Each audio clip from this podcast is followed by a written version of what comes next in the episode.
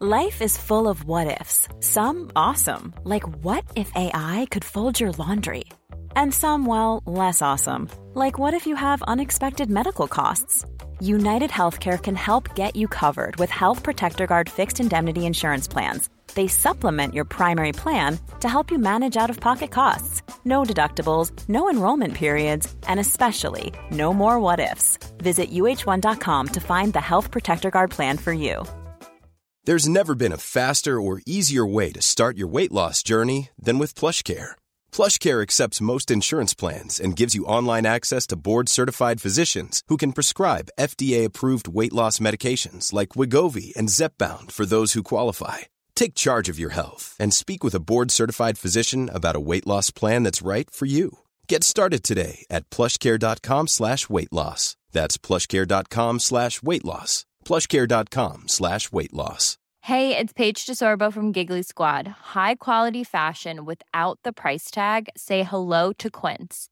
I'm snagging high-end essentials like cozy cashmere sweaters, sleek leather jackets, fine jewelry, and so much more. With Quince being 50 to 80% less than similar brands. And they partner with factories that prioritize safe, ethical, and responsible manufacturing. I love that. Luxury quality within reach. Go to quince.com slash style to get free shipping and 365 day returns on your next order. Quince.com slash style. Veckans avsnitt sponsras av TCO, Tjänstemännens centralorganisation, som just nu uppmärksammar att den svenska föräldraförsäkringen fyller 50 år under 2024. Wow. När föräldraförsäkringen kom 1974 innebar den en massiv förändring i synen på föräldraskap. Sedan dess har den bidragit till att tiden att kunna vara föräldraledig har förlängts och att allt fler män också stannar hemma med sina barn. Parental leave was actually part of the reason why I moved here to Sweden. It was unthinkable that as a parent, let alone a dad, somebody could get time to spend at home getting to know their kid. Ja, jag, jag tycker också att det är en av de mer underskattade aspekterna. Alltså hur viktig den där tiden är för att komma nära sitt barn. Mm. Jag tror att jag var hemma bortåt nio månader med mitt andra barn och nu kommer jag snart vara hemma igen med mitt tredje. Men trots att det har blivit mer jämställt så finns det fortfarande mer att göra. Kvinnor tar fortfarande ut mycket fler dagar än män, vilket gör att de i snitt går miste om 50 000 kronor per år. Jeez. Samtidigt som män då missar värdefull tid med sina barn. TCO has a documentary where they break down the history of föräldraförsäkringen and more importantly, they even cover how there's still room for improvement regarding usage of parental days between two parents. You can watch the documentary at tco.se. Vi pratade någon sommar i telefon, du och jag, om att du stod på Drottninggatan och du bara bla bla någonting vart vi skulle typ mötas upp. Och sen helt plötsligt så bara oh my god. Jag tror att eh, Will Ferrell precis oh, förbi mig.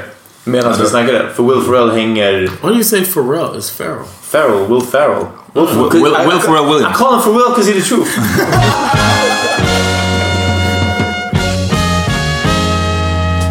nu är det dags för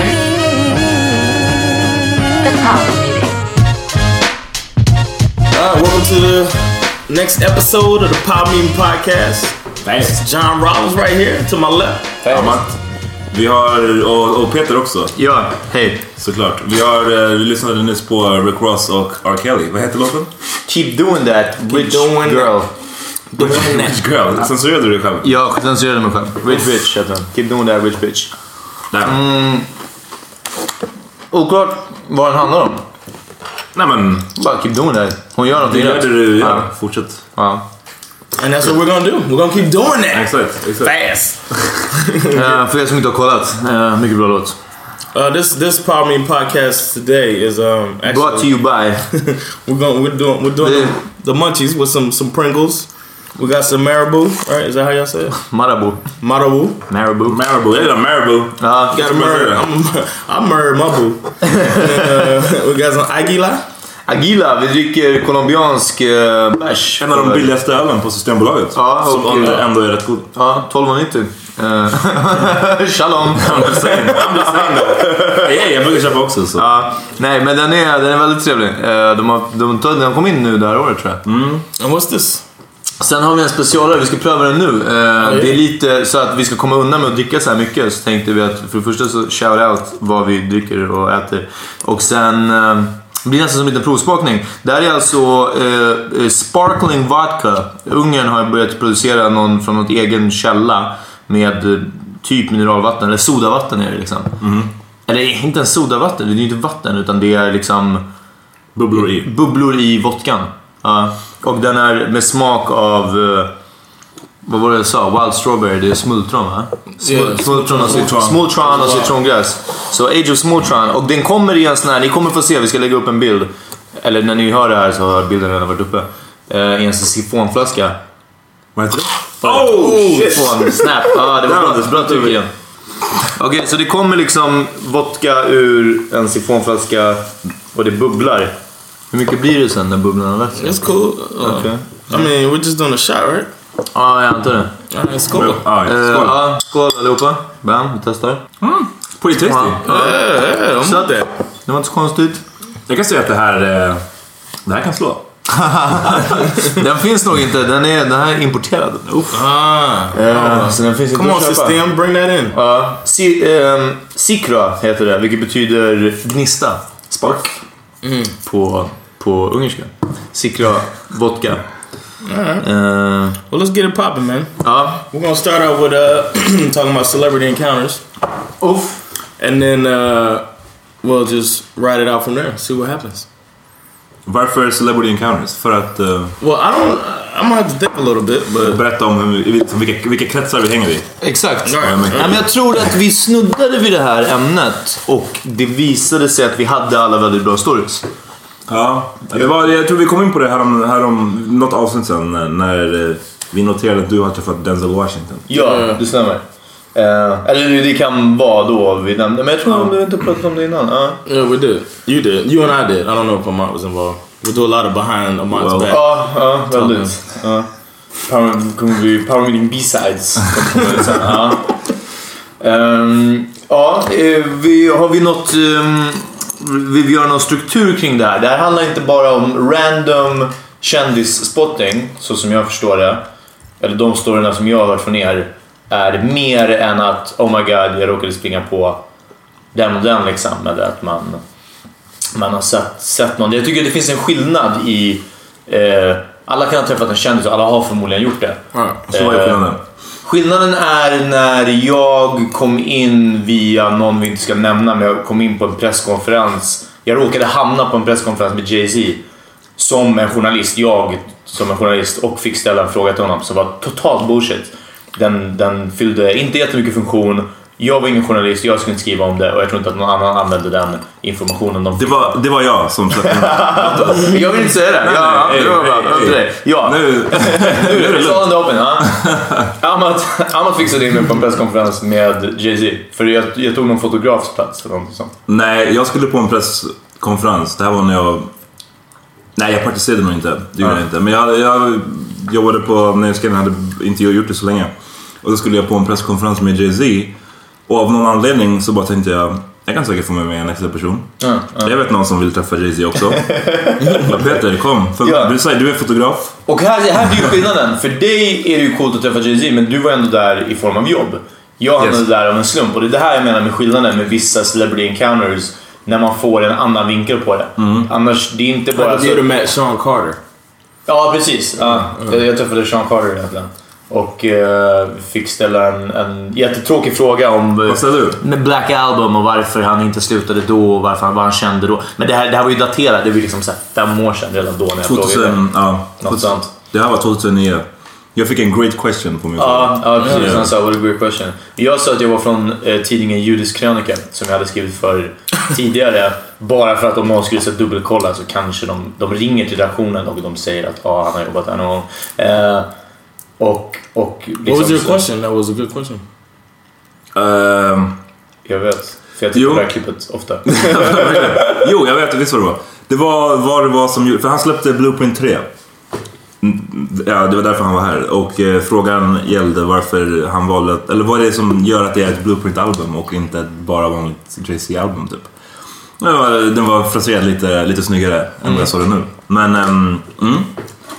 Men det är bra, det betyder att han liksom förstår skillnaden mellan ett blueprint, det är en del av en serie, blueprint-serien. Och inte And he had albums between two. Ja, precis. See, see. It's deep. Question. That was actually a great question. Tack ja. It means more coming from Jay Z though, right?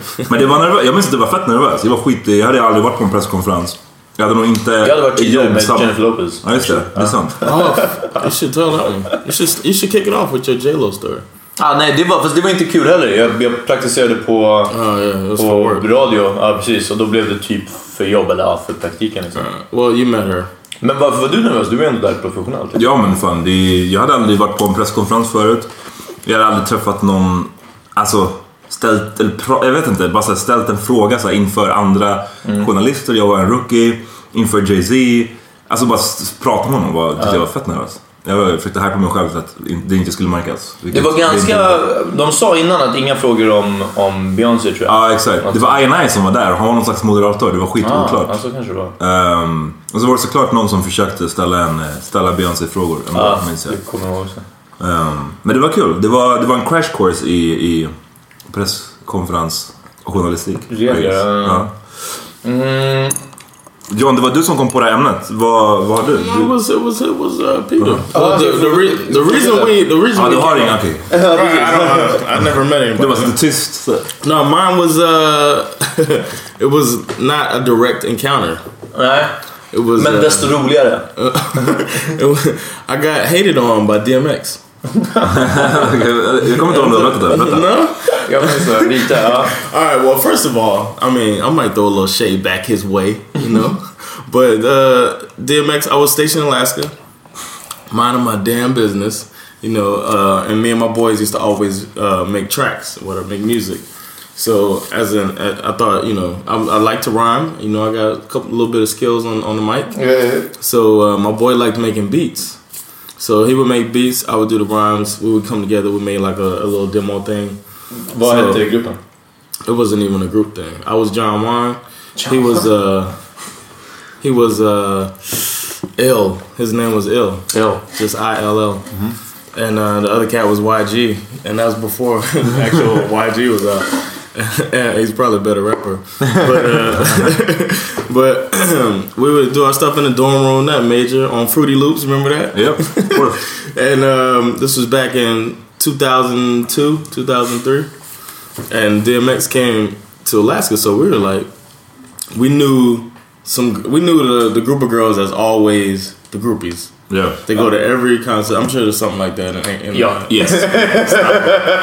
so we knew those girls. Actually, uh, my boy Chuck, the one that was ill, uh, he, um, his girl, or she became his girl later, but his main squeeze or whatever was she was like, "I get your CD to DMX."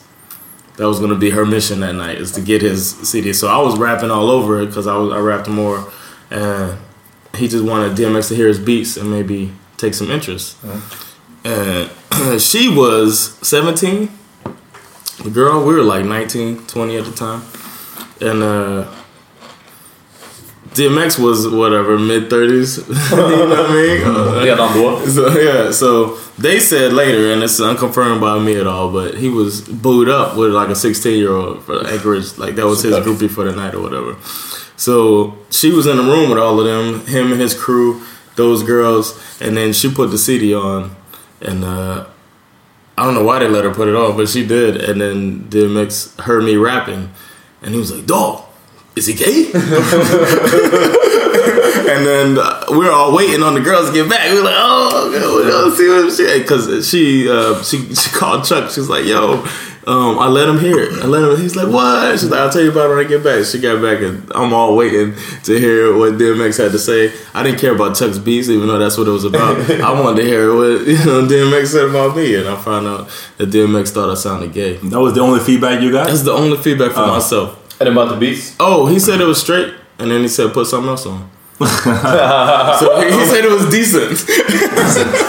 no, he was just it was, but that it wasn't that good. When I listened back to the stuff, Beatsmässigt eller rapmässigt? the beat, the beat. I mean, the rhyme. We all had good rhymes, you know. I guess rhyming is kind of what it is, you know. But the Jag vet inte vad det Det här- betyder. Rhyme is what it is. Man kan vara Either you bra got it or you not. Either you got it or you don't. And, Uh. Uh, yeah, I think the raps were good on there, but I didn't sound gay. Fuck Det är vi that. And then I thought myself, I thought that I could use this. You know what I'm saying? I could make like a diss track for DMX and then get some shine off of it, and then you know. DMX called me gay and yeah, now... yeah. Now it's on. No, I want to battle you, DMX. Ja, Singeln hade hetat James Det låter som en sån här intro till, eller outro till, du vet Kanye West på hans första album när han så här, i slutet av sista låten så har han den här långa berättelsen om så här, hur han blev Yeah. upptäckt och vem han rappar för. Det här är verkligen en här- det är en failed song. om du hade lyckats så blev du signad till DMX, whatever skivbolag. Då. John Wan, superstjärna. DMX såg inte potentialen. Och nu sitter du här på the power meeting. Exakt. Yeah, so I made it. I made it. Och vart är DMX nu? Är han inne i finkan igen? Uh, who knows? You know what I mean? You know what he's not? He's not uh, hosting a Power Mean podcast. Nej, det är exakt So who vad wins? Ja. Exakt. Han är dock den enda som har så här släppt vadå, alla hans skivor tror jag. Eller typ så här, sju av dem som så här Billboard 1 Yeah. Typ fler än Elvis. It was like eller five. Beatles, någonting sånt. Yeah, it was like his first five were all debut number Ridiculous. Uh, I was such a huge fan of his too. That, that broke me down a little bit. Ja, I immediately disliked. Jag gillar honom lite mer. Jag började lyssna efter att du berättade den storyn. Så vart jag bara såhär, uff! Get into this guy. Ja, he would destroy Johnny. ja, men, that was uh, that was Side note, har ni sett um, videon där DMX åker den här attraktionen? Ja. den här åkattraktionen? Ja, ja. Fantastiskt bra. Fantastiskt bra. Jag tror att han var rädd på riktigt. Och det är så of kul att se. Uh, we did it! We did it! Ah, ah, we did it! Fuck it! ah, och håller i sin kedja. Ja. Det känns som att han kommer dö snart. I tror yeah, yeah. Ah, Det är så mycket, alla stories man läser på senaste tiden, senaste åren har ändå varit så här. Att han inte kommer bli gammal, eller? Nej, men jag tror han kommer dö ung. Alltså, att han är så här, eller ung, men du vet. Han verkar knarka fett mycket. Eller så här, Mm. mass- jag såg något annat klipp när han sprang runt naken på ett hotell. Så här, Oh. u- u- ute- i korridorerna. Ja. Och bara så här, utan okommenterat. Mm. Så vem vet? Du kanske made it John. Det var tur att du inte blev signad. Ditt liv hade sett annorlunda ut. Att, For the worst. för att DMX, vem vet, DMX kanske levt längre om... Om jag var med, exakt. Det är det. sida. You never know. Ja. I could have been like, you gotta stop that. Ja, och han. And rub his back. Uh-huh. Ja. And be like, dog, are you gay? Samtidigt som mycket han har varit i finkan. Jag tror att lite backrubbing, det är ingen fara. Yeah. Uh-huh. I don't know. He seems a little homophobic. Mm. Obviously, if he heard me rapping about, I should do the rap, huh? No. Was it uh, Oh my. Who am I? Julia! DMX! Oh, I got don't know, flow. I don't know. Who am I? Ja, bra. Vi har en disslåt till DMX. Um, den andra, vi kom in på det, var storyn med, med um, Denzel Washington. Vad gäller Denzel eh, så var det visserligen via jobbet men eh, det blev ändå lite coolt. Det är inte så ofta det är kändisar, känns det som, i Stockholm och, och går omkring. Eh, jag vet att Michael Douglas och Sam, inte Salma, är det Salma Hayek som är hans... Nej. Det är hon den andra. Cat- Catherine Catherine Zeta-Jones. De gick omkring lite i Stockholm förut. Vi har haft Aftonbladet så rapporter. Men jag bara menar, det är inte så mycket kändisar som hänger här typ utan att ha någon business Nej. här liksom. Eh, och om de har business och har en konsert eller någonting sånt så är det också, det, ibland hörs det att ah, de har varit och handlat någonstans eller varit och käkat. Men det är inte många som hänger runt. Men Denzel Washington var på Sturehof och åt med Quincy Jones son eller är son- Quincy son. Jones the third? The third, ja. QD3. eh, som bor här i Sverige, I guess. Han är, han är i alla fall part Swedish. Och ehm, Denzel skulle ge, eh, han- det var han som skulle eh, lämna över, vet du, ge ut Nobelpriset i, Nobels fredspris det året. Som jag tror gick till Obama det året. Jag minns inte när det var riktigt. Eh, och det görs ju i, i Oslo, eller hur? Alltså ni måste veta det här, ni måste veta det här. Ja, Okej. Jag tror att det görs ut eh, i, i Det är, som, det är Norge. som Skavlan. Ja, Det är svenskt fast är i Norge. Ja, precis. Eller Lite så. Ja, Who knows? Ignorant. Ehm, han var i alla fall i Stockholm, men han hade inte gjort så mycket väsen av sig. Han var och käkade på Sturehof. Jag jobbade på East, ena vakten från Sturehof kom över och bara hörni, Denzel är på, på det här och käkar. Liksom. Och jag bara shit vad fett. Måste säga någonting men ah, jag kan springa över dit. Sen när de var klara med middagen och Sturehof stängde så kom Denzel och eh, jag tror man var med QD3 eller någon annan. kom över Denzel i gråa mjukisar, typ en grå t-shirt, jacka kanske. Och grå mössa, det var någon gång under vintern ja, i samband med Nobelpriset. Där. Och eh, jag sa bara någon så här, Mr Washington kallade jag honom och typ skakade hand med honom och jag bara such an honor. Och han kom in och det är bara en sån fan-beat liksom. Men sen när vi stängde, de hade suttit sig inne i baren och när vi stängde, ingen märkade märka att det var han. Han var helt inkognito liksom. Eh, och vid stängning tände upp och började tömma is och då var det några, det var bara några fåtal kvar och då märkte de att liksom någon fick sitta kvar liksom medan bordet inne. Och då började folk liksom oh my god shit, något som, men vi körde ut dem också. De fick vara kvar, de fick en flaska någonting, jag vet inte vad, de var med några tjejer. Eh, och då kände jag att jag måste säga någonting mer. Liksom. Och jag hade kollat jättemycket på training day på den, den tiden. Jag brukade alltid kolla innan jag, innan jag gick till jobbet. Det är så konstigt. Nej, det är en helt egen podd. Ja, men det, det, är en bra, det var en bra hype mode inför just det stället jag jobbade på, Grodan Sergel. Ehm, så behövdes den inspirationen. Och jag sa det till honom, jag bara I, I love training day, such an inspiration. Och så sa jag att varje gång, varje gång jag griper någon så, um, så säger jag att you wanna go to jail or you wanna go home. Eh, och han liksom skrattade och eh, Amatas han förevigade detta i, inte en artikel men en, en eh, del av avlyssnat. Eh, Nöjesguiden. Jag har glömt bort det. Vad ska jag? Där du skrev med, med jag har den på kylskåpet, du skrev att, att um, bla bla, en person när Nöjesguiden så här träffade Denzel och så sa det här att, att Training Day var en stor inspiration. Varpå Denzel la armen om honom och sa alla, alla Wiggers drömord. Som han säger i filmen. Och jag bara smälte. Och det var precis så. Jag kommer ihåg att det var inte så jag beskrev det för dig när- Anna när jag sa det. Du, du fångade essensen i det och jag var bara såhär, oh my god liksom. Fold it into his Ja arm. precis. Ja. Han la armen om mig och sen la jag huvudet på hans axel. Ja, Han bara, gay. Nej, så ja, han verkade... Jag vet inte om han... Han får nog höra det där om training day ganska mycket och eh, ja, det var väldigt kul. Eh, Så det var, det var, det var Denzel så länge. Jag, har, jag vet att jag har några till på lager för jag har gått och väntat på det här avsnittet. Men, Det är så. eh, Det ja. stora namedropping avsnittet. Det stora namedropping avsnittet. Should call it. Faktiskt. Det, är- det, är- det, är vad det, är det. Ehm, jag har en innan, jag vet, jag vet kanske vad din main story är Amat, men jag har en innan dess. eh, vilket också är jobbrelaterat. Men det känns som att det blev så mycket mer än jobb. Ja. Och det var när du träffade RZA. Ja, Det kändes som att ni, eh, den, det intrycket jag fick, att ni så verkligen hit it off. ja det, var, det var nice. Jag var och intervjuade RZA i Berlin för två år sedan tror jag. Ehm, och det var kul för det var liksom massa journalister inbjudna från, jag tror jag, hela världen i stort sett. Och eh, det var apropå hans samarbete med WeSC. Han hade gjort eh, det här klädmärket. Eh, och han hade gjort eh, hörlurar tillsammans med dem. Och det var det som han var där för liksom. Ehm, Berlin, sa du? Ja, Berlin. Ja. Så det var där du var på en skitstor um, mode och kläd, klädmässa som heter, minns inte, men som är på den gamla svinstora flygplatsen som de använde på andra världskriget. Eh, Tempelhof heter den tror jag. Ehm, hur som helst, så det var många så journalister, många som jag tror kanske inte var så super vällästa kanske på, på RZA. Och man fick så här en kvart var, tio minuter här, fem minuter där. Och jag är ju världens största Wu-Tang-fan. Ehm, och jag, läst, jag, så jag hade läst båda hans böcker och det var inte så här, som re- research eh, inför intervjun utan bara så här, jag läste dem för att göra ett Wu-Tang-stan. Exakt. Eh, nej, men så därför blev det en, en nice, nice intervju helt enkelt. Vi bondade, vi snackade om... ehm, Hur långt in tog det innan han fattade att så här, uff, Nej men det gick nog ganska snabbt. För jag, jag la det strategiskt ganska så snabbt. Att, så här, jag bara, Mm. åh, i din bok så läste jag och då var han så här, ja okej, nice Mm. typ. Ehm, och sen så, det ultimata betyget var när jag fick, när det, publicisten kom in och var skitstressad. Och, ehm, och var så här, nej nu är 15 minuter har gått. Och då fick jag extra tid av, av RZA själv. Då Mm. tänkte jag så här, då, då var jag precis som Peter innan. Jag la mina, mitt huvud på hans axel, jag gick över, liksom, över intervjubordet och bara la...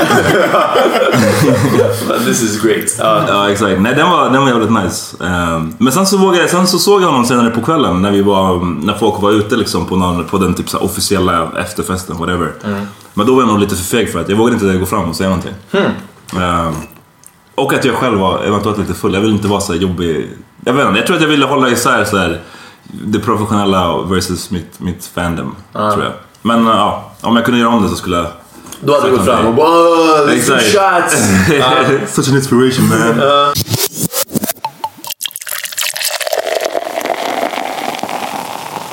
Jag såg, eh, en gång såg jag efter Slaughterhouse-konserten.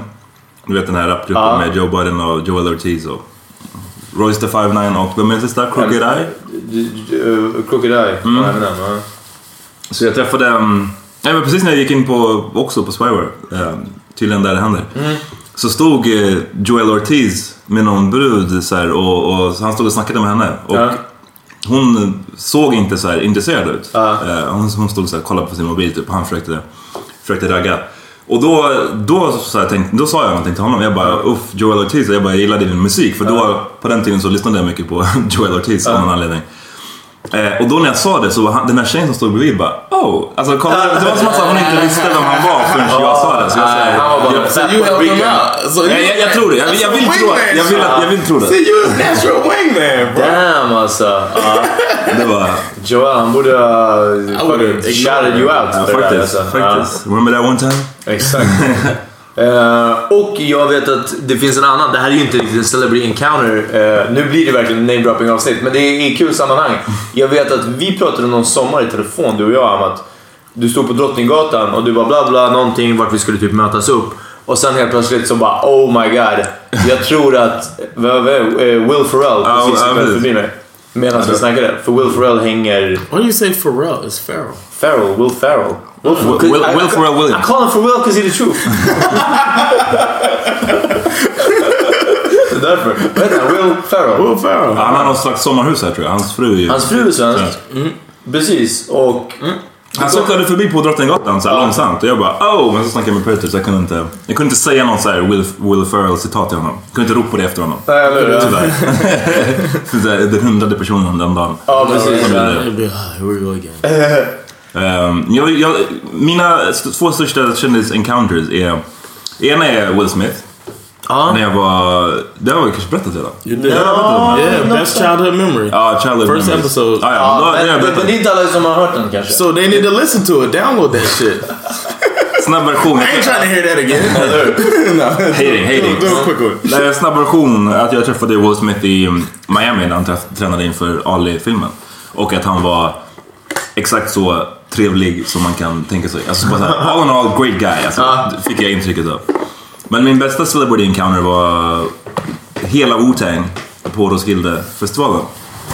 Eh, jag var 17. Det här var 2004. Eh, jag var där med två vänner. Eh, och ehm, vi hade varit på Roskildefestivalen alldeles för unga tycker jag. Jag fattar inte varför våra, vad våra föräldrar tänkte, Tänkte med. Riktigt. Ehm, och vi var, åkte dit för att se Wu-Tang. Alltså vi alla, alla tre gillade, gillade Wu-Tang. Och de här två jag var med var, råkade båda vara tjejer. Eh, och ehm, vi ställde oss liksom längst fram. Vi köade långt innan konserten började för att få liksom mittenraden längst fram. Ehm, så konserten börjar, det är svinfett. Ehm, sen mot slutet så, så här, eller jag har sett under hela konserten att uh, You God minns jag, eh, höll på och flörtade. Och jag har hört tror jag, från andra som också har träffat honom, alltså så här, bekanta till bekanta, att han är ver- verkligen så här, den som är mest uh, Den som rider mest Det är han som är mest thirsty, ja. Men han höll på så flörtade med en av dem som jag var med. Ehm, och sen så såg jag att uh, Djurgården har signalerat till typ sin, sin manager eller någonting. Och så ser jag att han kommer ner och jag börjar tänka så här, jag bara shit, är det här så här? Bara, kommer det hända någonting så här nu? Typ, tänkte jag, men jag vågade såklart inte. Eller jag tänkte inte att det skulle göra det på riktigt. Um, och men så kommer den här managern ner, eller vem, fan, vem det nu var, och ehm, frågar så här, de här tjejerna som jag var med, han bara, hur många är ni? Ehm, och då, då, har- jag hörde den frågan och jag bara, vi tre, vi tre, så här, det är jag också. Ehm, och sen så signalerar han till någon av de här som, som jobbar med crowd control att så här, lyfta över oss över stängslet. Och så här, han bara, kom igen så här.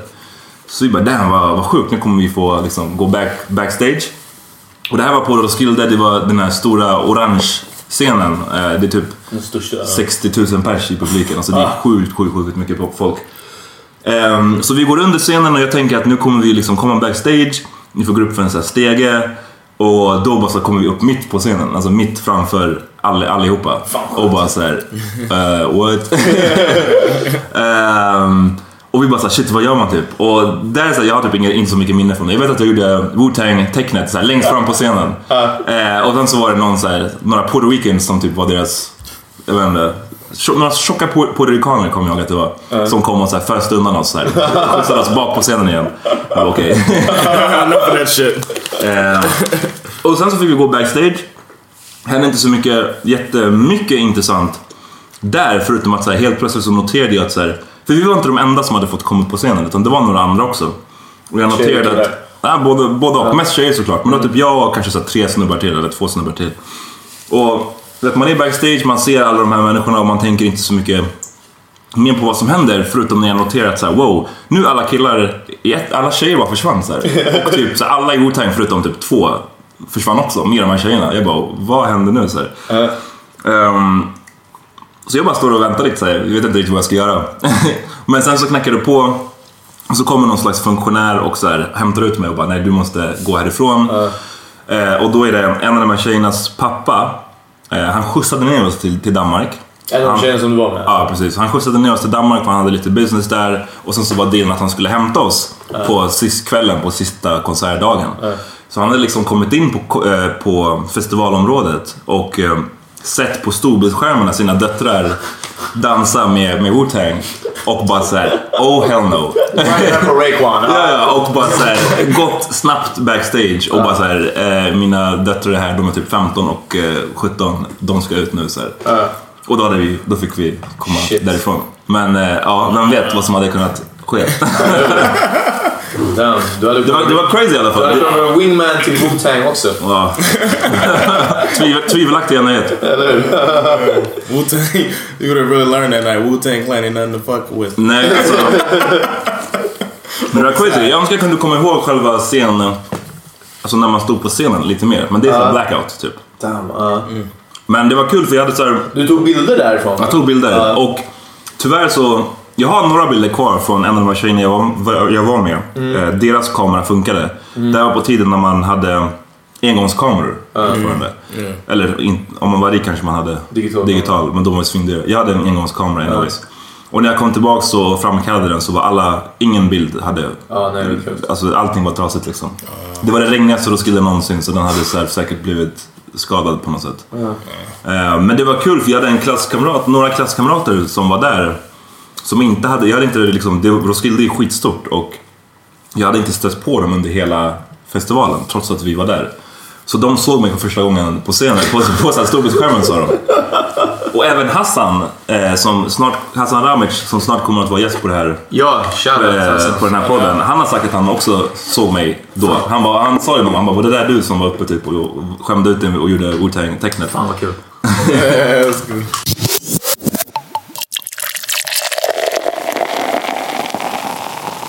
Nej, de två övriga är... Um, eh, en är en, en, en halving, eller en, en counter och den andra är bara... Hade kunnat bli en jävligt bra encounter. Och det är att um, 2009, tror jag, eller 8 så var Snoop här. Uh, Och spelade på Berns. Min polare ville gå, jag hade jobbat lite på Berns um, innan dess. Och... Um, kände dem i dörren och eh, jag sa att ja, men vi kommer inte komma in på konserten. Men jag bara, vi kan gå till efterfesten för konserten är inte de som sköter biljetter och så vidare. Det är alltid de från, från företaget liksom. Alltså biljettföretaget eller, eller som arrangerar konserten. Ja ah, okej, så konserten skulle börja typ åtta och vi var där vid typ tio, halv elva någonting sånt. Så vi hade liksom safeat och gått riktigt sent. Alla var inne i stora salen när konserten skulle ske. Vakterna släppte in oss. Jag bara, men vi, vi kan gå upp till, eller vi går till garderoben så länge liksom. För de är fortfarande på konserten alla människor. Och sen går vi till efterfesten.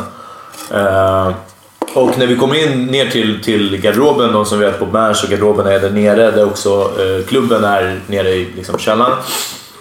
Snackade med dem i, i garderoben och de bara, jag bara hur länge har han spelat? De bara nej han har inte ens börjat än. Han sitter inne, det var hans loge då inne i klubben. De bara, han sitter inne i logen och spelar Playstation fortfarande liksom. Och vi bara, ah shit fan, ja ja.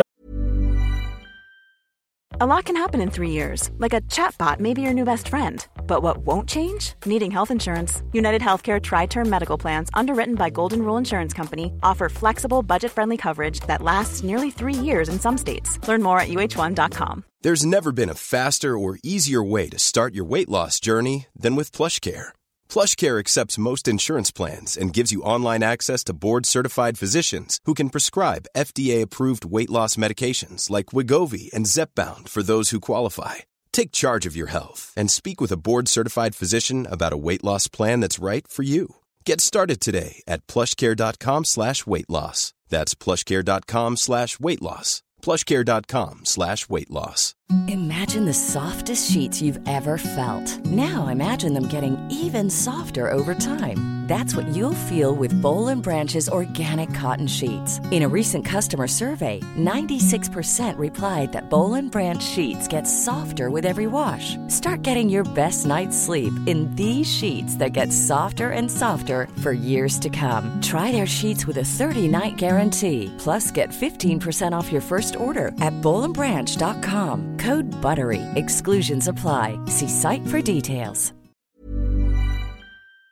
Det här kommer ju dröja skitlänge, någonting sånt. Står och snackar med dem i garderoben och helt plötsligt från ingenstans så bara kommer Snoop ut med hela sitt entourage. Det är bara jag och min kompis och de här typ tre garderobiärerna som är där nere och de går förbi oss. Snoop har gråa mjukisar och ett Lakers-linne. Han ser ut som att han ska gå till tvättstugan. Och kollar på oss och säger Bubblegum, bubblegum, I hope you have fun, what's happening y'all? Och sen, och sen, ja, och sen glider han vidare. Och vi bara står med munnen öppna allihopa och de går upp så bakvägen upp till scenen. Och när han har gått, det är då vi fattar vad som hände liksom. Vi bara oh my god Snoop, fan vi borde stampat honom, vi borde tagit en bild, någonting sånt. Men vi missade chansen. Sen kommer en, en till från hans crew med så här badge runt halsen. Springer oss ut från lotion, från eh, lotion, från lotion. Och han bara where did it go, where did it go liksom. Och jag kände till lite de här bakvägarna som sagt när jag hade jobbat på Berns. Det finns en miljard så här, äh, gångar och allt möjligt. Och jag bara, han bara hur kommer jag upp till scen? Jag bara, men jag visar dig liksom. Och vi gick, jag kommer ihåg att vi gick fel och han bara, you even know what you're doing? Och jag bara, ja ja, alltså det är typ det här hållet liksom. Vi kommer upp vid ljudkillen, snubben springer in backstage, skiter i oss. Men jag och min polare står kvar vid ljudkillen, hoppas att ingen ska slänga ut oss. Ingen ser oss. Så vi ser hela konserten från början till slut, vid sidan, lite upphöjt, gratis. Okej, okay, soft.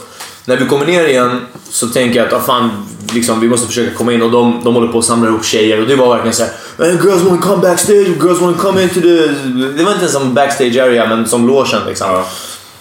Hela klubb, klubben nere i Berns. Och eh, så ser jag en snubbe som hjälpte och jag bara hej, jag bara kom igen nu fan vi hookade upp det. Han bara nej nej jag kan inte hjälpa dig in, det ska bara vara tjejer liksom. Jag bara men hade det inte varit för oss hade du inte ens kommit upp till scenen liksom, kom igen nu.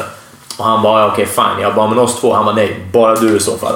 Och jag bara på en gång vände mig till min polare. Jag bara du, här är min garderobsbricka. Varsågod, ta den. Vi ses. Alltså, Peace. Jag bara, ja, ja, jag bara sa det på en gång.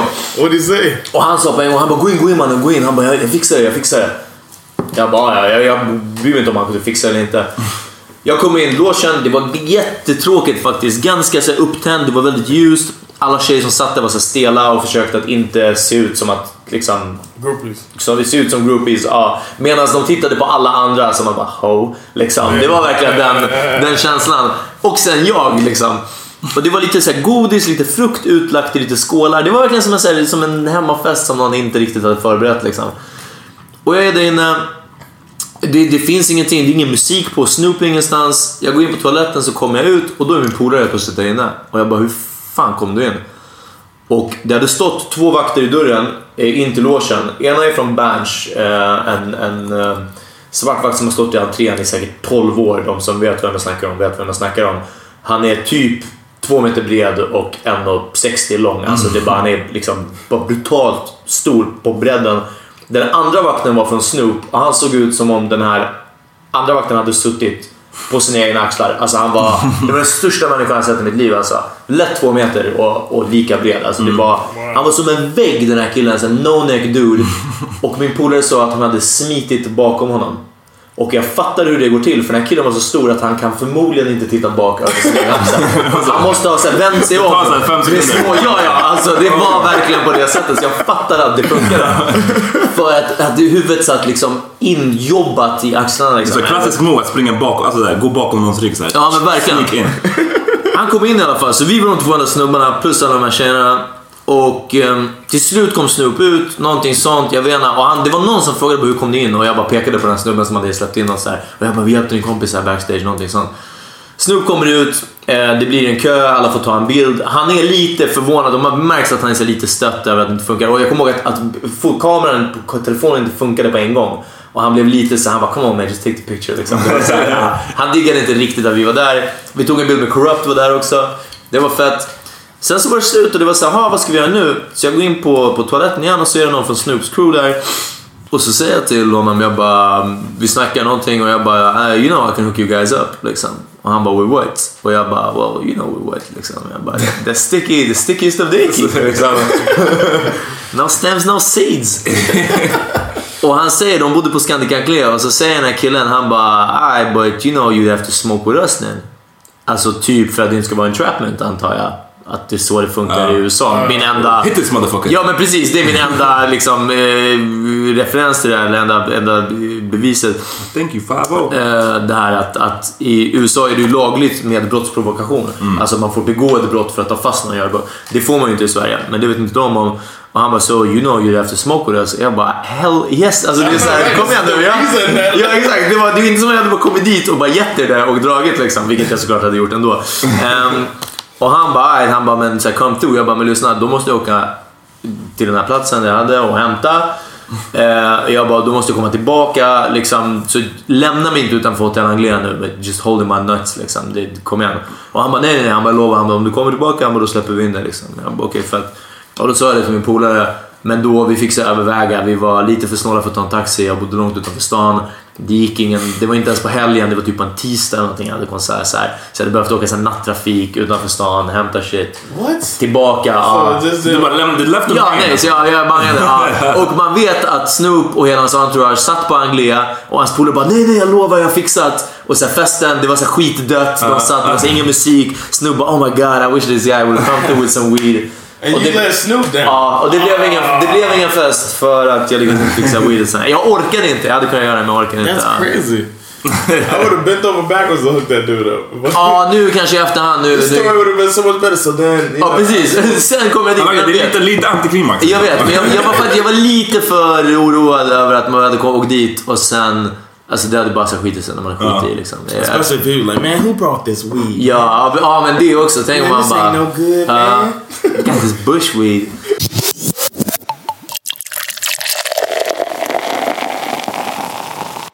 Bam. Nu har vi snackat, nu har vi namedroppat i över 40 minuter. Ja, Så dags för någonting mer seriöst. mer... Ja. Du, nu, nu. Uh, did y'all heard about the lady um, who committed? She did. I don't say. Do you say committed euthanasia? She committed euthanasia on the first of November. Um, first off, R.I.P. I don't remember her name or anything. but- Dödshjälp alltså. Dödshjälp. Hon var dödligt sjuk.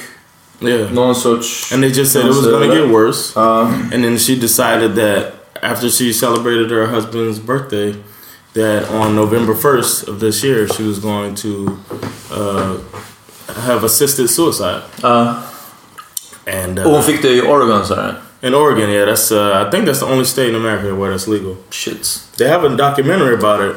I wish I had the information, but uh, I guess you could Google Oregon and... Oregon and documentary suicide, uh, euthanasia, whatever. You can spell that. E U T H A N A S I Uff. euthanasia. Youth, youth in Asia. Y O U T H. no, youth in Asia. Google might Googla tell you. inte. Ja, googla inte. Euthanasia. you might have the police at door. I heard you were uh, looking for euthanasia. Hur funkar det där? Nu har vi bytt spår. Men alltså... You take a you take a in the documentary I watched. Well, I nej, det var inte vad jag skulle fråga. Okej, ja. Att om man söker på euthanasia ja, i USA, jag antar att det är striktare där, eller? Att, att då... Vadå, det kommer upp på en gång liksom, eller? Probably no, they won't come. Like, Men inte right på away. youth in Asia. Nej, inte så, men jag bara menar om du... Alltså, euthanasia. The actual nej, nej, nej, nej. Jag pratar om barnporr. Asia. If you Ja, men du menar Google, likvärdigt? Om man söker på någonting som är komprimerande? Google might give you a correction. Like, do you mean euthanasia? I don't know. Ja, vi får I've never tried it, and I never will because I don't want Big Brother watching me. Ah, nej, det, oh, so all of a sudden, Yeah, yeah, all of a sudden, no, I would not. Brother. Nothing okej. that seems like that. I would not want it in my Google search. Ja, ni som har garvat åt att, att jag har Like, because för... just my luck, the next day I might accidentally knock my son over and he has a bruise or something, and then they'll be like, Unfit parents, We don't, huh? yeah, we don't believe that. Oh, and he googled youth in Asia yesterday. That's it. Ja, men hon valde alltså att få dödshjälp. Yeah, but they were saying maybe she won't do it. Like people were kind of saying maybe she won't do it. The line at Vegas, no, I'm just playing. There was no, there was no gambling line on it if she do it or not. vadå att hon, she won't do it? Att hon skulle säga... They were saying that maybe Banga. she'll change her mind. Yeah, bang up when it came. Ah, nej. Push came to shove. and then it came to it, and she did it. Jag tycker man ska få, jag, bara- jag bara kastar ut den. Jag tycker det är självklart att man ska få eh, göra det, dödshjälp om man, om man vill. Det, If you're in your right mind. det ska, ja, precis. Det måste finnas massa regler. Man kanske måste så här, lämna in en anmälan och sen så om du fortfarande känner samma sak om två månader då får du göra det. Eller man kan reglera det på massa olika sätt. Men bottom line, är du, är du klar i huvudet och du väljer att du vill dö, då ska du självklart få dö. Men vad skulle vara... Säg någon av kriterierna du skulle vilja lägga till. Nej men jag tror bara att man måste vara jävligt eh, säker liksom. Att det, det, det, det är allt det här men man, om någon är deprimerad kanske den känner Ja, att men den jag, sen- jag pratar om till exempel... Jag skulle säga... Förlåt, jag var oklart. Tugga- ur, tugga ur nu. Marabou, Marabou peanuts allihopa. Marabou peanuts. Väldigt god faktiskt. Makes people talk. Ja. Men... Starkt fruktaget. Men um, man måste vara sjuk. Nu kommer jag till det. Man måste vara sjuk. Det är det jag vill komma fram till. Nej men sjuk eller, eller, eller så här, Men du säger även vid depression. Nej nej jag sa inte på, på grund av depression. Jag sa att man kanske är deprimerad och känner att man vill göra det. Men just därför ska det finnas re- regler. Ja, precis. för att, Ja, då ska man inte göra det. Men jag kan tänka mig till exempel filmen Million Dollar Baby. När jag sett den. Spoiler, den kom ut för fucking tio år sedan. Ja, ni borde ha sett den. I slutet av filmen eh, så... Har ni, ni har sett den? Ja, jag, jag minns den inte men... Ja, ja. I think I saw some of it. Know. ja. I slutet av filmen så eh, box. blir hon eh, paralyserad, nacken neråt. Ja, slutet i typ mitten av filmen. Är det så? Ja, det är så här, hela, det är typ det filmen handlar om. Eh, I alla fall. ehm, och då är slu- filmen slutar med i alla fall att hon får dödshjälp och, och dör. för att så här, hon har varit boxare, har varit liksom verkligen levt med så här, att vara aktiv. Och sen så blir hon fortfarande ung och blir förlamad från nacken neråt och tappar helt och hållet livslusten. Och ja. Även då tycker jag man ska. Om man, Ja, om man på riktigt känner att fan, jag vill inte leva på det här sättet. Uh, I would, så- I would hope, like, if I lost all, if I was paralyzed for the neck down, I think, Uh. in my state now, I think I would, the way my mind is now, I think I would want to, Precis. yeah. Kanske, Uh, kanske någon som är det och lyssnar på det här känner att det, fin- det är inte Nej, alls... nej, alltså, I don't know, but that's the thing. I don't know how man vet inte hur man ändrar sig. Right. Men, men så, här, så jag kan tänka, jag skulle vilja ha valet att om någon sån där skit händer Right. så vill jag kunna Precis. säga, vet du vad, nu, jag, nu räcker det för mig. För jag vill inte leva så här 40 år till Right. och, och i det där... I det, Som... Uh, ja, exakt. Du, du, tror, tror att ingen ser vad du gör? ja, precis. Ja. Vi kan göra... Vi vi gör väldigt med mimik. Värre när vi startar en, en vlogg. En videoblogg. Ja, då är det kört. Ja. Ehm, nej, men det är helt sant. Uh, dock så kan man ju leva som i den här filmen The Invincible, eller vad den heter. Uh, vad heter den? En osannolik vänskap. Ja, just det. Den här paralyserade, eh, från nacken och neråt, franska mannen som får den här eh, tuffa svarta killen från förorten eh, som, som hjälp, eller assistent heter det kanske. Och eh, han liksom väcker hans livslust igen. Så det går ju att... Om man hittar en ung svart assistent som gillar att dansa, Exakt. då ja. kan man ändå ha kul. det är bottom line av Ja, precis. Ja, det det den, till. av den filmen. Men en fråga som jag tycker väcks någonstans är vem som ska utföra själva akten. För att... Halshuggningen. Exakt. Nej men för att så här, det, det, blir, det blir lite kanske weird att så här, det är väl det som många inom så här, sjukvården tycker att någonstans inom sjukvården så liksom svär man att så här, hjälpa folk i alla, alltså det, det är ens liksom som att alltid hjälpa folk. ett mord, tänker Ja, du, det blir ju, ja, det blir någonstans, inte, ja, precis, inte ett mord, men någonstans så tar du aktivt livet av någon. Och det är väl en sån fråga som så här, vadå, vill man, är det kul att, ska det ingå i doktorsrollen att så här, du kanske måste döda någon med flit? The Eller ska det finnas speciella människor som utför det mordet? Uh, uh, I heard about a I heard about a study that said eighty percent of doctors say that they do not want resusc- do not a DNR do not resuscitate. Mm-hmm. They do not want help if they're you know if they if another doctor has them on the table mm. and you know they have to make that where they're gone. They don't want CPR or anything like that. That's it. Most doctors are like because Men varför? Det kan ju vara av olika skäl. Alltså att man får ett hjärtstillestånd. they just say that on TV like Do not 90 resuscitate handlar alltså om att... Uh, Don't try to bring me back to life. Ja, precis. Don't När do någon, har, CPR. någon är kliniskt uh, död, heter det kliniskt? Yeah, clinically dead, Ja. Eh, så, så väcker man dem till liv igen med typ såna el... Såna här clear... Ja. Defibrillator heter det. defibrillator. Yeah. Eh, eller med, med eh, första hjälpen. Yeah, and the doctors, and then when they asked them, the doctors were saying like on TV, on ER, they they did a study too on that. I think it was like 85, 75 to 85 percent of the patients resuscitate when you do that, but then in real life it was like 10 percent. So the doctors know this shit ain't gonna work, and then in most cases, people are either stressed or panicking or inexperienced, and they do it, and then the person gets injured. So they do come back, but now you got three broken ribs. Ja, fast vet du? Om, om det bara handlar om... Om bara broken ribs, det kan, jag- det kan jag nog leva med. Men inte om det är så här... They're like, like people, or you just the end of your life is just terrible. Like you're looking around at the table and then somebody just destroying your body. You know what I mean? Like just trying to bring you back and doing it wrong, and it's just hurting, and you're looking around and just. Ja, nej, du fick det låta skitkraftigt alltså. Det måste Men eh, jag vet inte om det alltid är så, så, så kept. Det beror allt om, liksom, om man kan bli återupplivad och sen så, så här, komma tillbaks till så som man var. Jag vet, Snälla det är så, återuppliva mig. ja. jag vet inte om det är vilka det är lag för, men det är så att om man har börjat utföra första hjälpen eh, så får man inte sluta förrän en läkare har confirmed death. Really? Så jobbigt om det inte finns en läkare där inne. Ja, men skojar inte. Jag bara, ja, But my mom won't help anybody. She's scared of a lawsuit though. De kommer inte hjälpa någon. Nope.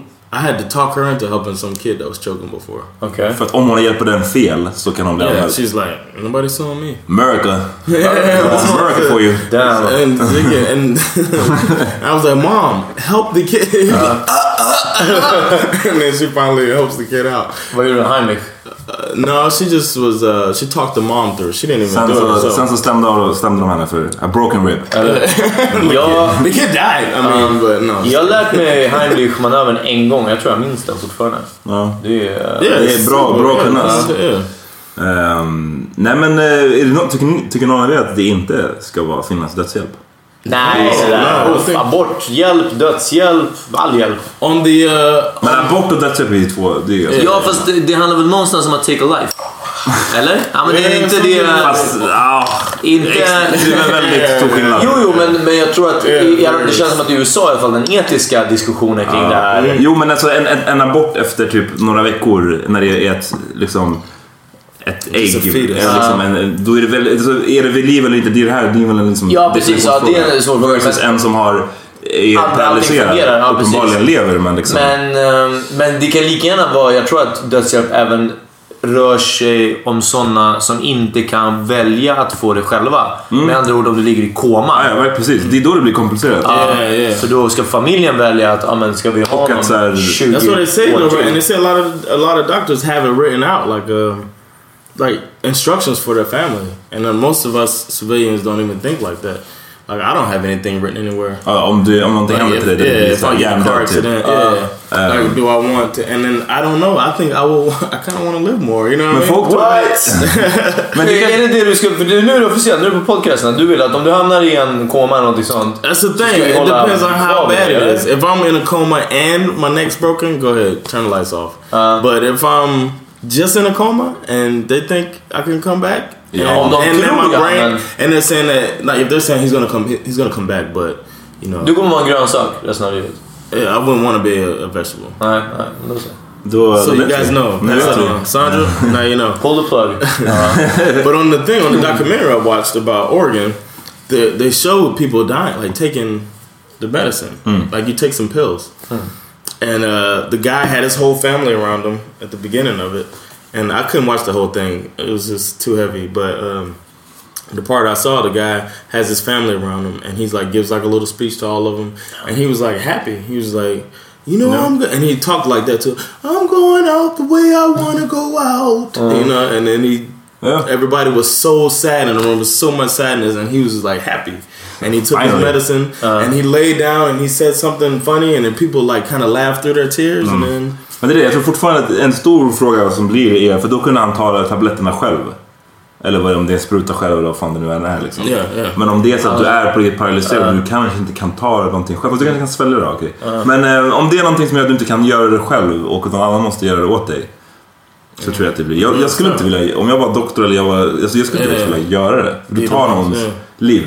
Sen så finns det ju folk som tycker också, jag, jag hade den här diskussionen med, med eh, min mamma en gång. eh, Eller några gånger. Och hon är emot det bara så här, av rent så här, nej men ett liv, ett liv är typ heligt liksom. Eller så här, det, man ska inte, det är fel att ta, ta ett liv, även sitt eget. Och då är det så här, ah, det går inte att diskutera med någon som Ja, tycker så. Där där tog det stopp. Ja men verkligen, man bara okej, ja jo så kan man se det också liksom.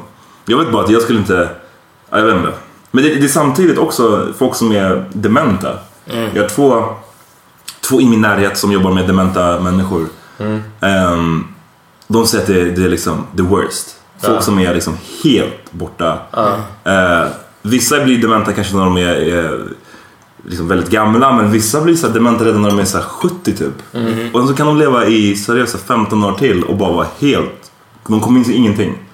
Eh, de är som barn liksom eller till och med ännu värre. Och det är så här, det, det är think frågan, nej, about men jag tänker så här, fan, så som jag tänker nu, och det här det kommer får liksom såklart inte ut ändras. någonting av livet. Nej, jag tänker så här, ska jag gå där och, och du vet, det känns som att man går runt i en så här bad high i 15 år och bara Ja. så här, du vet, minns ingenting, du måste ha hjälp med allt. Du kan inte, det känns inte så, alltså det här sägs av en person som är, som är ung nu, Ja. så jag kanske skulle ändra mig när jag är äldre. Men det känns inte som att det är ett så här värdigt liv. Eller så här, är, det en kul, är det ett roligt avslut på livet? Att, så här, Du minns inte dina barn, du minns inte fem minuter sedan vad du gjorde. Eh, du bara så här gaggig och, och helt lost. Som en dimma.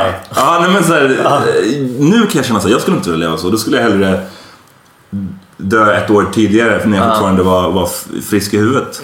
Men sen så när man är där så kanske man inte känner så like, längre. you feel like you, you can't imagine yourself being like that. Nej, Och sen efter ett tag så minns du inte längre när du är där. Så, nej exakt. Det är bara varje dag. Man bara, Ja. "Uff, okej vad är det här? Ja. Man, that's a that's a really didn't think about dementia. Och vilken... But then you'd have to make that decision with a clear head. Och du kan, men precis, du, du kan inte ta beslut om dödshjälp när du är dement för du vet inte vad du tycker. Alltså, Mm, då skulle det vara att man har skrivit på en lapp innan du blev dement att om jag blir dement så vill jag göra det här. Ja. Men då kanske du blir dement om tio år och då måste ju frågan fortfarande ställas. Det här skrev du för tio år sedan. Vill du fortfarande dö nu? Det känns som att man måste göra, ställa den följdfrågan. För i fel händer kan ju sånt här... Det här kommer Peter gilla, men liksom i fel händer så kan folk bara säga dödshjälp till höger och vänster. Nej men jag vet inte på konspirationsteorier. Okej. Nej men det var... Ah, det i fel att- händer, okej. alltså. Ah. Man bara, oh, han skrev på ett dödskontrakt, han ville dö. Eller hur? Off him. Ja, och jag bara, nej nej jag är inte dement. Exakt. Jo, han död. Jag lovar. like Larry. I'm not Larry.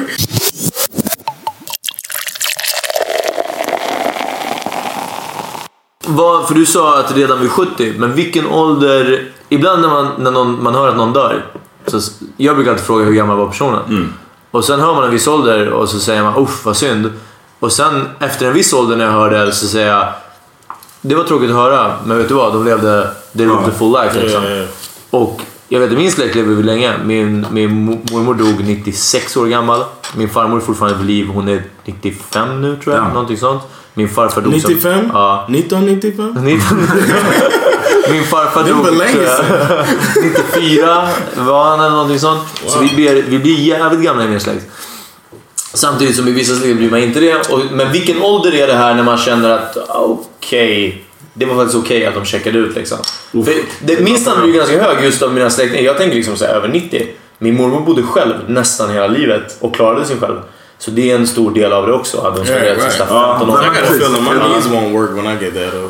jag, tror att det, jag tror att det precis, det, då vägs det in för alla de var så klara i huvudet. Ja, mer eller precis, mindre som dog. Och mitt ex, mitt ex, vad var det? Morfar tror jag. Han eh, dog väl till slut när han var så här 95 eller någonting. Men eh, han var pigg till the end och höll på så här, jobbade i en verkstad och var liksom så aktiv. Ja. Eh, Och då kan man vara aktiv och klar i huvudet. Då har jag inte jag någonting emot att liksom, leva så pass länge. Och då någonstans så Men, blir det ju... men säg att du är pigg och aktiv men du dör ändå vid 86. Precis, och då menar jag då så känns det ju som att kanske att han inte han fick fortfarande ut 86 år av livet. Men då är det ju fortfarande så här: wow, du hade kunnat gå säkert, det hade kanske kunnat gå 10 år till av att vara aktiv. Ja. Men är du 86 och helt out och har varit det i 10 år, men då är det bara, då är det väl kanske lika bra. Eller? Jag vet inte. Men sen vad, under, under 80 är för tidigt oavsett. Nej men jag tror, att, så här, jag, tror inte det finns, jag tror inte det finns ett under 80 eller över 80. Jag tror att beroende på hur klar du är, beroende på hur klar du är i huvudet och Mm. liksom hur din precis, levnadsstandard så kan det vara kan det kanske räcka när du är 70 till och med. Om du är så pass illa. illa. Men jag tänker, har vi, vi måste ha längre, det här, vi måste ha, säger jag, jag har ingen aning om det här, men vi måste ha längre levnads... medellivslängd i Sverige än i USA känner jag. Det tror jag nog definitivt. Ja, det är för att ni är så jävla tjocka där Sverige har väl ja, ganska så, en av de hö- högre tror jag. Yeah, in the world. Jag hörde också läste häromdagen, jag minns inte källan så ta det för vad det är. Men att den första människan som kommer bli 150 år redan är född. Oj! Tror man. Yeah, right. Oj. I read that before, like a couple Uh-huh. years ago. I read about Det kommer vara... Varför är det asiater alltid? De äter det sjögräset och... You know, the crazy thing is, I said that to my mom, and she was like, "Nope, the Bible says 120."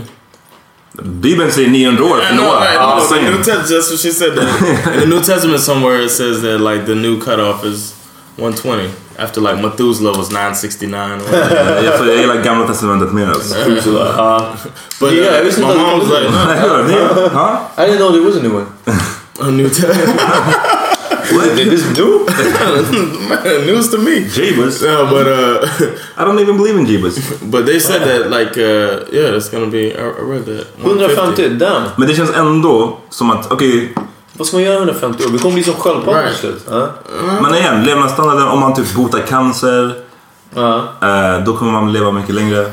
Yeah. Obviously. Det är typ alla, män- alltså, alla människor, när man blir tillräckligt gammal så dör man ju antingen liksom, is a heart failure eller så blir du dement och sjuk på det sättet eller så får du cancer. Alltså det är ju sjukt många människor, alla, alla får cancer till slut. Yeah. Nej men det är ju så typ, Ja. det är hemskt men det är sant. Alltså, vet du hur många som får cancer? Det är, Jo, jo, ja, ja, men ja, ja. Fast jag tror att de, eh, min mormor också, så här, somnar i. Alltså det, de, och det är det som är så sjukt och det är därför jag är sån flyt om jag lyckas checka ut på det här sättet.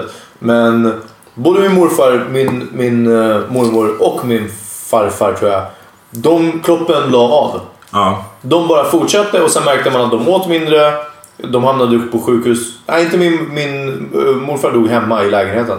Eh, men alla hade liksom ätit mindre, sovit mer. Alla sa att så här, ah, men de verkar inte vara så pigga längre. Och man märker, ja, men det var på loppet av en vecka liksom. Och kroppen börjar lägga av. Och jag bara... Varför, varför gammal? Det är så roligt med Peters familj som dör.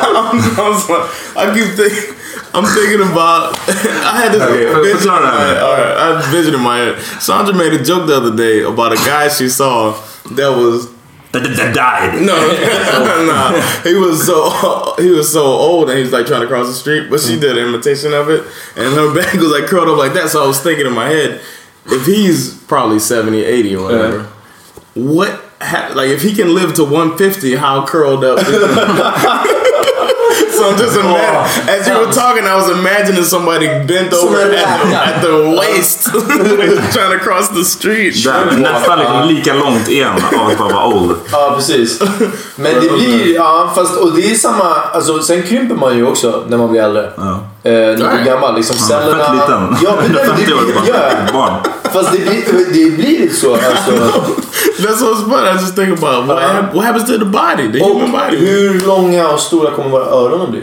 De som näsor också. Öron, näsa... No, but what they said was uh, the key to it that they're investigating now Uh. is um, affecting the body's uh, ability to procreate. The woman is what they're talking about. Uh. So they basically uh, continue to put, no, don't have a menopause. That's what they think the key is, Affect the menopause. Party all year round. Ja, Yeah, but they då, was- då kan man fortsätta... They're saying that då when the vi- då kommer vi body when the body knows that you're not gonna reproduce anymore, Ja. then body starts to die. Är det därför män har längre... Ja, Jag har män längre. No, än- women have Kvinnor lever ju alltid way längre men... But then once we feel like uh, Så that doesn't really make can't sense. hit that anymore, Nej. can't get them pregnant anymore. Nej men, men det känns också som att um, det, om, om alla börjar leva 150 år det kommer inte vara så bra för the planet. Det känns som att det är redan överbefolkat. Ja. Det, är mer, det är för mycket folk som föds nu, redan nu. Ja. Och tänk att alla som föds ska längre. leva Ja. 150 år. Alltså det är bara så här. Alltså då, kommer naturen hitta på någon, någon sjukdom som bara kommer wipe, wipe us out. Ja. Yeah, that's Så det blir Interstellar. Tror du att de här sjukdomarna som wipe us out är nature finds a way? uff. Pesten? Ja, jag vet inte. Nej, ah, gud jag tror inte det. Men, Eller eh, var det FBI som skapade jag, tror, jag tror att det är exakt. Bush cooked up know. answer. Mm. Nej, jag vet inte. Det är väl en fett filosofisk fråga liksom. yeah. Eh, Jag tror inte att det är ett straff heller, men att, att det, det är någon sorts... Det sker säkert bland djur också, balans. någon sorts balans. När, när något djur blir alltså, överbefolkat, eller inte överbefolkat, men det finns för många rävar. Eh, så, så blir de mer lätt angripliga för räv. Det finns rävpest till exempel. jag att rävar var det exemplet. ja, men djur, jag bara tänkte några djur som... Eh, ja men det är det. Det är eller en komet. En komet som dinosaurierna och sen så boom. Så blir det sen start, startar man om på nytt alltså. Exakt. All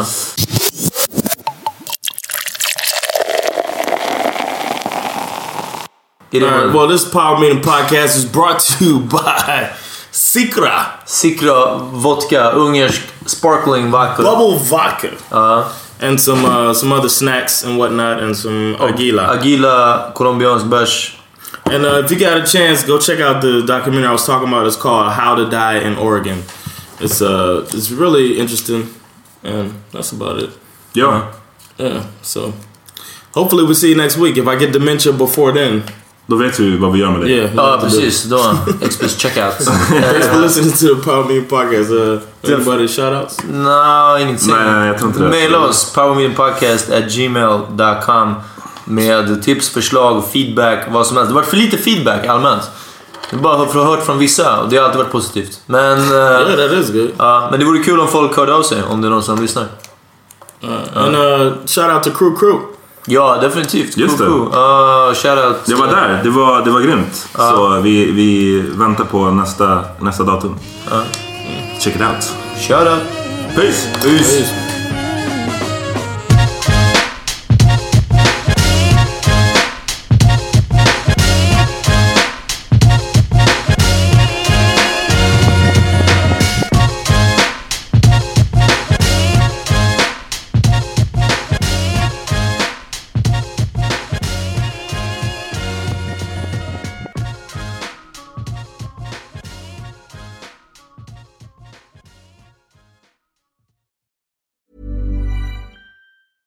Planning for your next trip? Elevate your travel style with Quince. Quince has all the jet setting essentials you'll want for your next getaway, like European linen, premium luggage options, buttery soft Italian leather bags, and so much more. And it's all priced at 50 to 80% less than similar brands. Plus, Quince only works with factories that use safe and ethical manufacturing practices. Pack your bags with high-quality essentials you'll be wearing for vacations to come with Quince. Go to quince.com slash trip for free shipping and 365-day returns. Hi, I'm Daniel, founder of Pretty Litter. Did you know cats tend to hide symptoms of sickness and pain? I learned this the hard way after losing my cat, Gingy. So I created Pretty Litter, a health monitoring litter that helps detect early signs of illness by changing colors, saving you money and potentially your cat's life. Pretty Litter is veterinarian developed, and it's the easiest way to keep tabs on your fur baby's health right at home. Go to prettylitter.com and use code ACAST for 20% off your first order and a free cat toy. Terms and conditions apply. See site for details.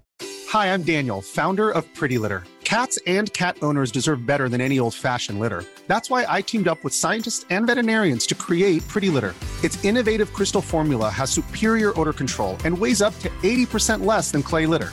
Pretty Litter even monitors health by changing colors to help detect early signs of potential illness. It's the world's smartest kitty litter.